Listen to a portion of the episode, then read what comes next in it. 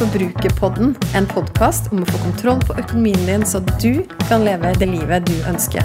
Jeg heter Kjersti Grønseth, er trebarnsmor og økonom, og er kanskje aller best kjent som forbrukerfrue. La oss snakke litt om forbruk, for alt starter med det.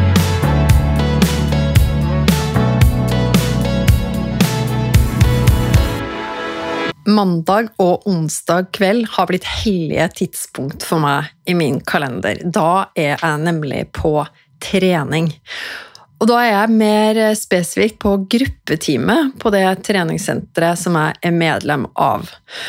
Og for deg som har hørt på Forbrukerpodden eh, i en god stund, så vet du at jeg har snakka om det her med trening og min egen mangel på treningsmotivasjon flere ganger, og hvordan jeg også klarte til slutt å knekke koden. Det vil si, naboen min, venninna mi, klarte å knekke koden for meg gjennom å begynne å invitere meg med på nettopp de her gruppetimene.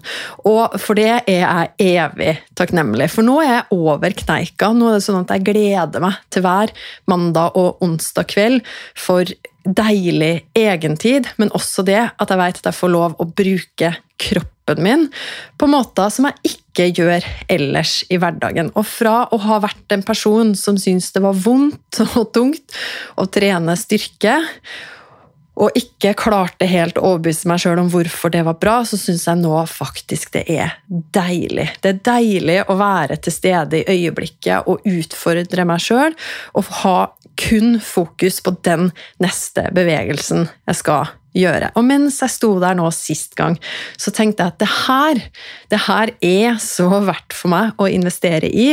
Ja, man kan snakke om mye. Det er smart å spare penger på, og prioriteringer i ens eget budsjett. Og for min del så må jeg si at det her er noe av det jeg virkelig syns det er verdt å prioritere mine penger på. Det kan se helt annerledes ut i ditt budsjett og i dine prioriteringer. Og det går fullt mulig, det er fullt mulig å trene både hjemme og ute og helt gratis om du vil. For min del så har jeg valgt å prioritere i å investere i trening. Og treningsmedlemskap. Yes. Jeg var først på en styrketime, og så var jeg på en halvtimes bevegelighetstrening etterpå. Også litt sånn godt vondt, vil jeg si, men jeg kjenner at det er bra for meg. Og litt effekten en sånn time har, da, hvert fall på meg, at mot slutten så begynner jeg å komme inn i et ganske sånn deilig zen-modus. Og mens jeg sto der og gleda meg til også en varm dusj og litt deilig kveldsmat etterpå, så kom jeg på at shit, jeg glemte å trekke gratis parkeringsbillett. Det betyr at jeg mest sannsynlig, når jeg kom ned i garasjen, hadde fått en sånn gul plastlapp, en bot, på ruta på bilen min. Den første tanken som slo meg, var at hm, det er ikke sikkert at de har vært der akkurat nå. Kanskje jeg var veldig heldig, og da tenkte jeg faktisk også hva skal jeg bruke de pengene på? For da har jeg jo egentlig spart eller tjent 330 kroner, som jeg vet at akkurat denne type bot koster. Men mest sannsynlig så var det jo sånn at de hadde vært der, for de er ganske aktive, de parkeringsvaktene. Så den neste tanken jeg fikk da, var at vet du hva? De pengene, det gjør meg ikke noe. Det er ikke så sure penger, og hvordan kan jeg si det? Fordi det er jo i utgangspunktet surt for de aller fleste å måtte betale 330 kroner i en bot. Min lille hack er at jeg har en egen konto i nettbanken øremerka til nettopp sånne her situasjoner som oppstår, og den kontoen heter 'Jeg rota det til'. Og Der har vi, mannen min og jeg, valgt å overføre 200 kroner i måneden. Slik at vi alltid skal ha rom for å rote det litt til. Det vil si, Sånne ting skjer jo uansett, men fordelen vår er at vi da slipper å bli sure på hverandre eller på oss sjøl når det skjer, fordi vi vet at vi har planlagt for det. Og heldige meg, kan du si, ingen av oss hadde rota det til noe særlig de tre siste månedene, så på den kontoen så sto det nå 607 kroner. Og da kunne jeg bruke av den kontoen til å betale boten på 330, og ferdig med det. Null mer stress. Jeg vet ikke med deg og hvordan du følger opp din økonomi, men hvis det er sånn at du er litt over gjennomsnittet, kanskje interessert i økonomi, du har jo valgt, du har jo ramla inn i denne økonomipodkasten nå, kanskje har du hørt på Forbrukerpodden lenge, så tipper jeg at du har en eller annen form for budsjett og oppfølging i din egen økonomi. Det er ikke sikkert du kaller det et budsjett, eller det kan hende at du fører et veldig detaljert budsjett i hver eneste måned. Det kan hende du gjør det litt sånn som jeg gjør det, at du har et standardbudsjett av alt som kommer inn på konto, alt du bruker penger på, som du oppdaterer ved behov. Uansett en eller annen form for økonomistyring eller budsjettering gjette at du gjør. En annen aktør som definitivt har fokus på det med å lage et budsjett, er jo selveste staten. Og nå begynner det å bli ca. en måned siden forslag til statsbudsjettet for 2023 blei lagt fram. Og jeg har ikke snakka så mye om statsbudsjettet i Forbrukerpod, men jeg hadde lyst til å berøre ett av temaene derfra i denne episoden, og så også gjøre det relevant til noen spørsmål knytta til din økonomi akkurat nå i denne episoden. Så det kan jo hende at du mest sannsynlig har du jo fått med deg flere nyheter rundt hva er det statsbudsjettet betyr for deg, og kanskje er det sånn at du har fått eh, mindre skatt fordi at du tjener under 750 000 i året. Kanskje er det sånn at du har fått mer skatt, eller i det forslaget i hvert fall, fordi du tjener over 750 000. Skatt på aksjeutbytte, formue Det er jo også forslag til økninger som er lagt inn i statsbudsjettet for 2023. Kanskje er det sånn at du har barn i barnehage og har sett at maksprisen går ned. Eller hvis du har tre barn, så får det tredje barnet gratis barnehage. Det er flere sånne type ting som også ligger inne i forslaget til statsbudsjettet for 2023. Og strøm. Strømstøtten, selvfølgelig, som vi jo, de fleste av oss, er ganske opptatt av. Den er foreslått da å videreføres. Og så kunne vi snakka om flere ting også fra statsbudsjettet, og hva det betyr for oss og lommeboka vår. Men det jeg har lyst til å snakke litt om, og reflektere litt rundt sammen med deg i dag, det er den posten som ikke direkte berører oss og vår privatøkonomi, men som handler om å gi bistand, at den norske staten, Norge, gir bistand til ulike formål. Det har jo vært sånn en god stund at man har hatt et mål om å sette av 1% til nettopp bistand. Det som er litt annerledes i år, er at eh, staten, eller regjeringa, har foreslått å bruke 2,5 milliarder mer i 2023 enn i 2022 på bistand. Og til sammen da 43,8 milliarder kroner. Det er store tall. Men den summen her, den utgjør bare 0,75 av brutto nasjonalinntekt. Og dermed så er jo den et stykke unna målet om 1% av det samme måltallet, altså brutto nasjonalinntekt, til bistandsformål. Og så er det litt også med denne begrunnelsen som regjeringa uttaler.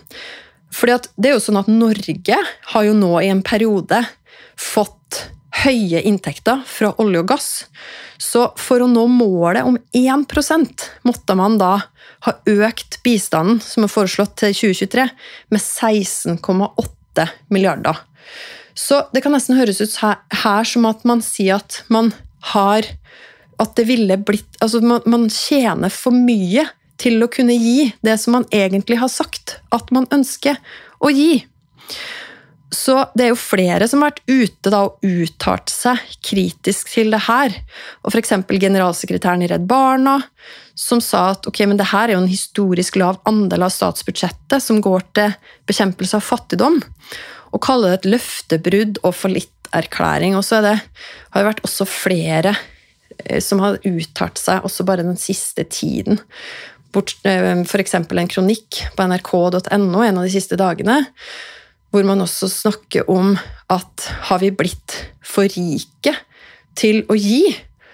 Og han, kronikkforfatteren, leder i Nidaros sosialdemokratiske forum, trakk også fram det her med at han stussa på at veksten i inntekt er så stor at bistandsmålet er krevende å nå.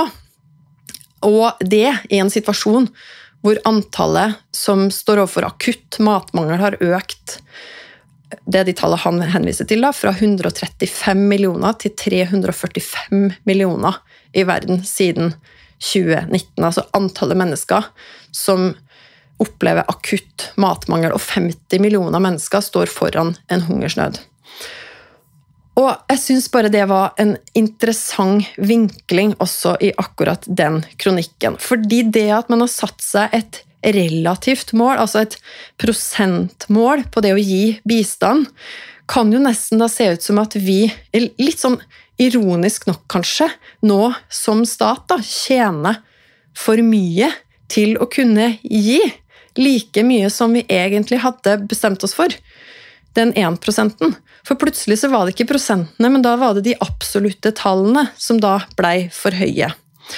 Og nå skal ikke dette være en, eh, et politisk innlegg, eller jeg eh, har, jeg har ikke tenkt å ha den debatten nå, men jeg hadde likevel lyst til å bruke det som et utgangspunkt for å snakke om det med når er vi? Når har vi for lite penger, og når har vi for mye penger til å kunne gi til andre.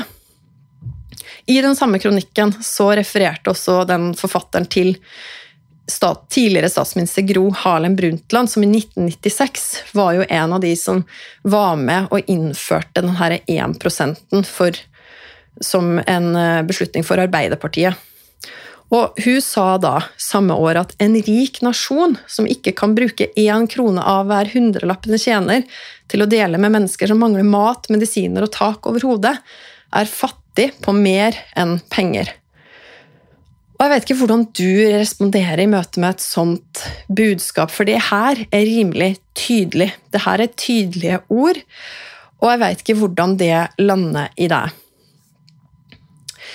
Og hva har det her så med vår privatøkonomi å gjøre? Har det noe med vår privatøkonomi å gjøre? Kan det overføres?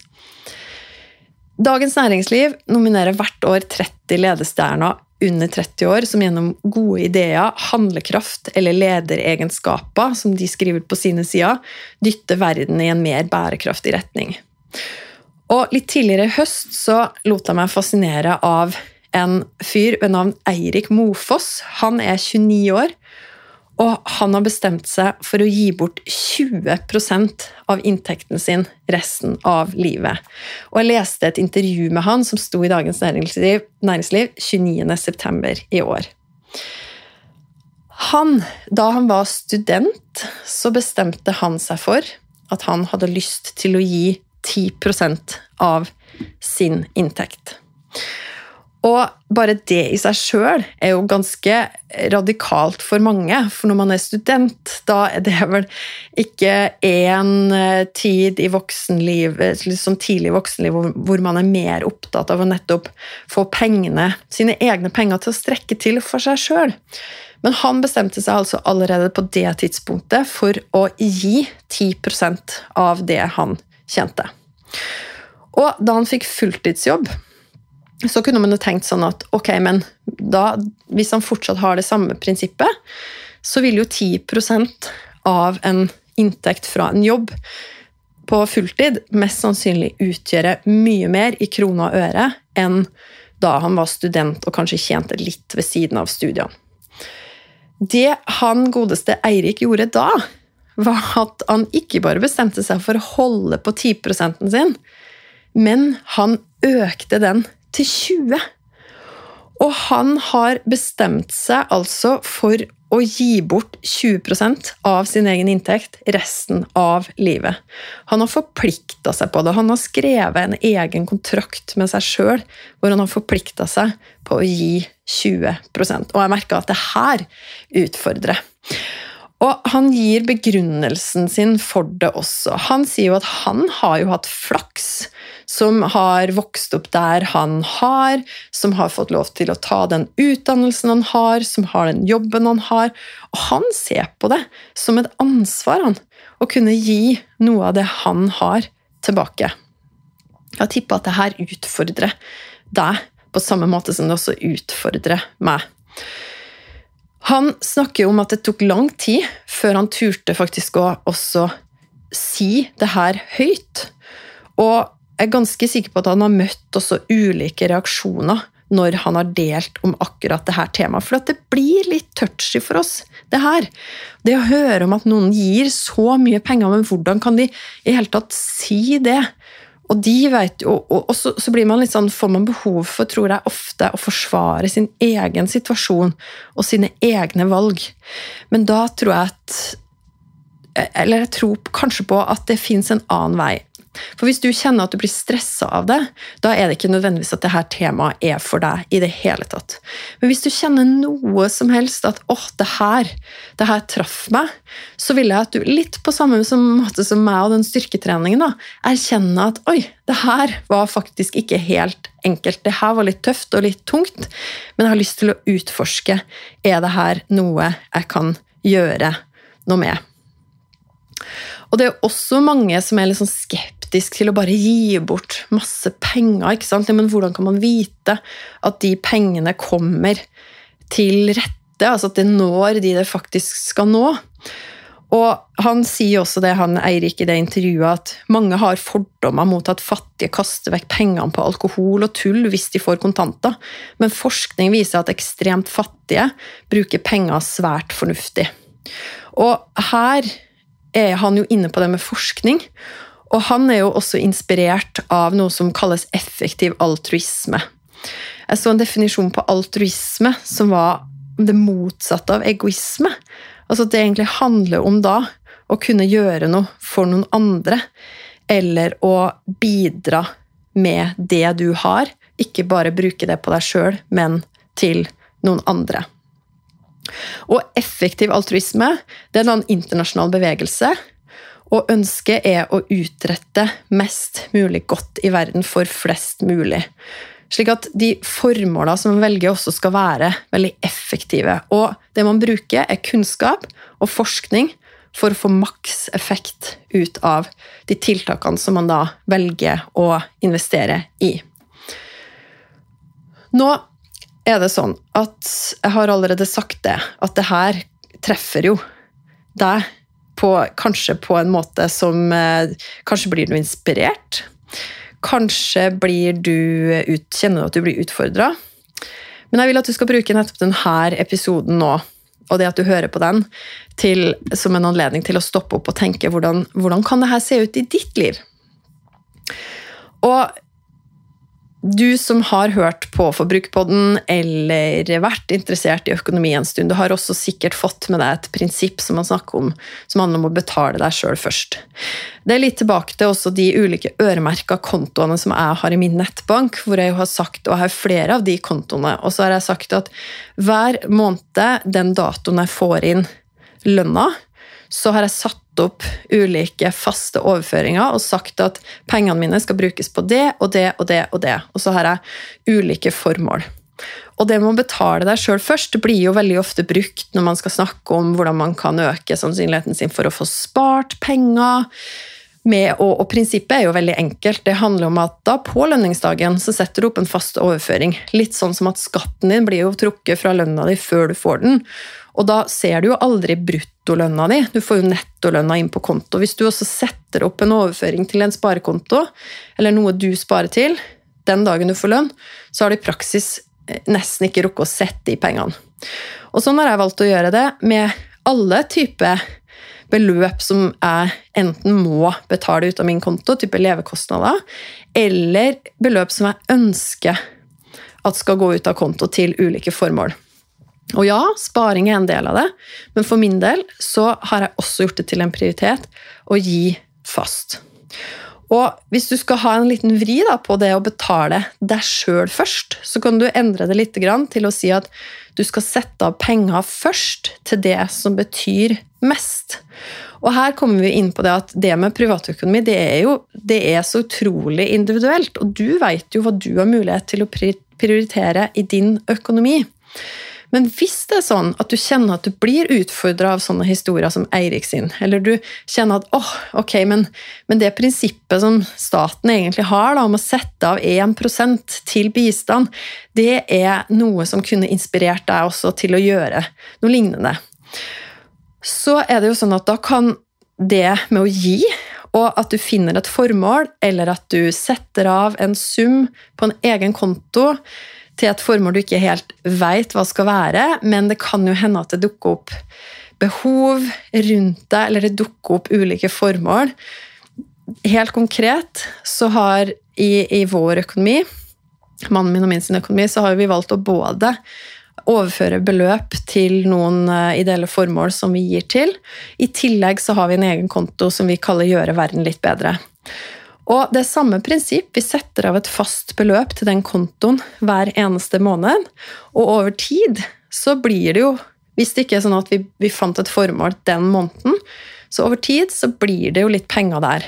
Og jeg har delt det her før, både i poden og i, når jeg har blitt intervjua om det her, og sånn at ok, men for det første så tror jeg på prinsippet om å sette av fast, fordi at det er et, en verdi for meg, og noe vi har valgt at er viktig for oss. Det å kunne gi også penger til andre.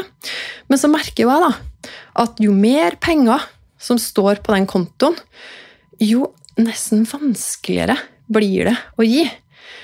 Og Ironisk nok, kanskje, fordi at da skulle det jo være nesten lettere. fordi at nå har jeg jo mer, og nå har jeg jo større handlingsrom da, til å kunne gi.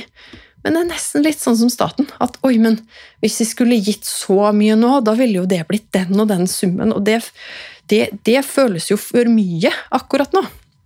Og flere ganger har jeg tenkt at å, de pengene der de hadde vært digg å bare skyte inn i en fetere buffer eller investere eller brukt på noe. Og det sier faktisk han Eirik også i den artikkelen. At for å sitere han da, Det hadde vært kult med en ny sykkel til 50 000 som går raskere i bakkene, sier han, men samtidig kan disse pengene redde et menneskeliv. Valget er derfor enkelt. Og det er jo ikke alltid sånn at valget står mellom sykkel som til 50 000, det vil jeg jo si et eh, luksusgode, eller å kunne redde noen annen sitt liv. Det kan hende at du opplever sjøl nå at du veit ikke helt hvordan du skal overleve den økningen i utgifter og levekostnader som du står overfor nå, i din økonomi. Så hvordan kan jeg da snakke om det at du i tillegg At det er en mulighet til å gi av pengene sine? Men her, her er jo hele poenget at du kjenner din økonomi, og du veit hva du må prioritere. Og du veit hva du kan prioritere, og hva du vil prioritere. Og hvis det er sånn at du kjenner deg igjen i det her, at du egentlig ønsker at både for din egen del så ønsker du å utvide perspektivet ditt ved å helt praktisk gi av pengene dine. Og tenke at ok, men jeg trenger ikke å sitte her og holde på hele inntekten min. Jeg har det så godt at jeg har lyst til også å dele med andre. Hvis du kjenner deg igjen i det, det er jo da du skal gjøre noe med det. Ikke hvis det er sånn at du bare får dårlig samvittighet av det jeg snakker om nå. Men hvis du kjenner deg utfordra, da kan det hende at du også skal se på om ikke det skal være et prinsipp i din økonomi at du tar og setter opp en fast overføring til et formål som du ønsker å investere i, som handler om noen andre. Og så er det jo sånn at det handler jo ikke alltid bare om penger heller.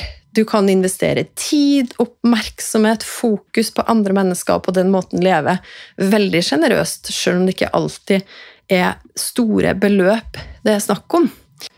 En annen sak i media som jeg lot meg veldig inspirere av, var et ungt par som eh, var omtalt i VG 6.11., som har bestemt seg for å låne ut huset sitt gratis i jula.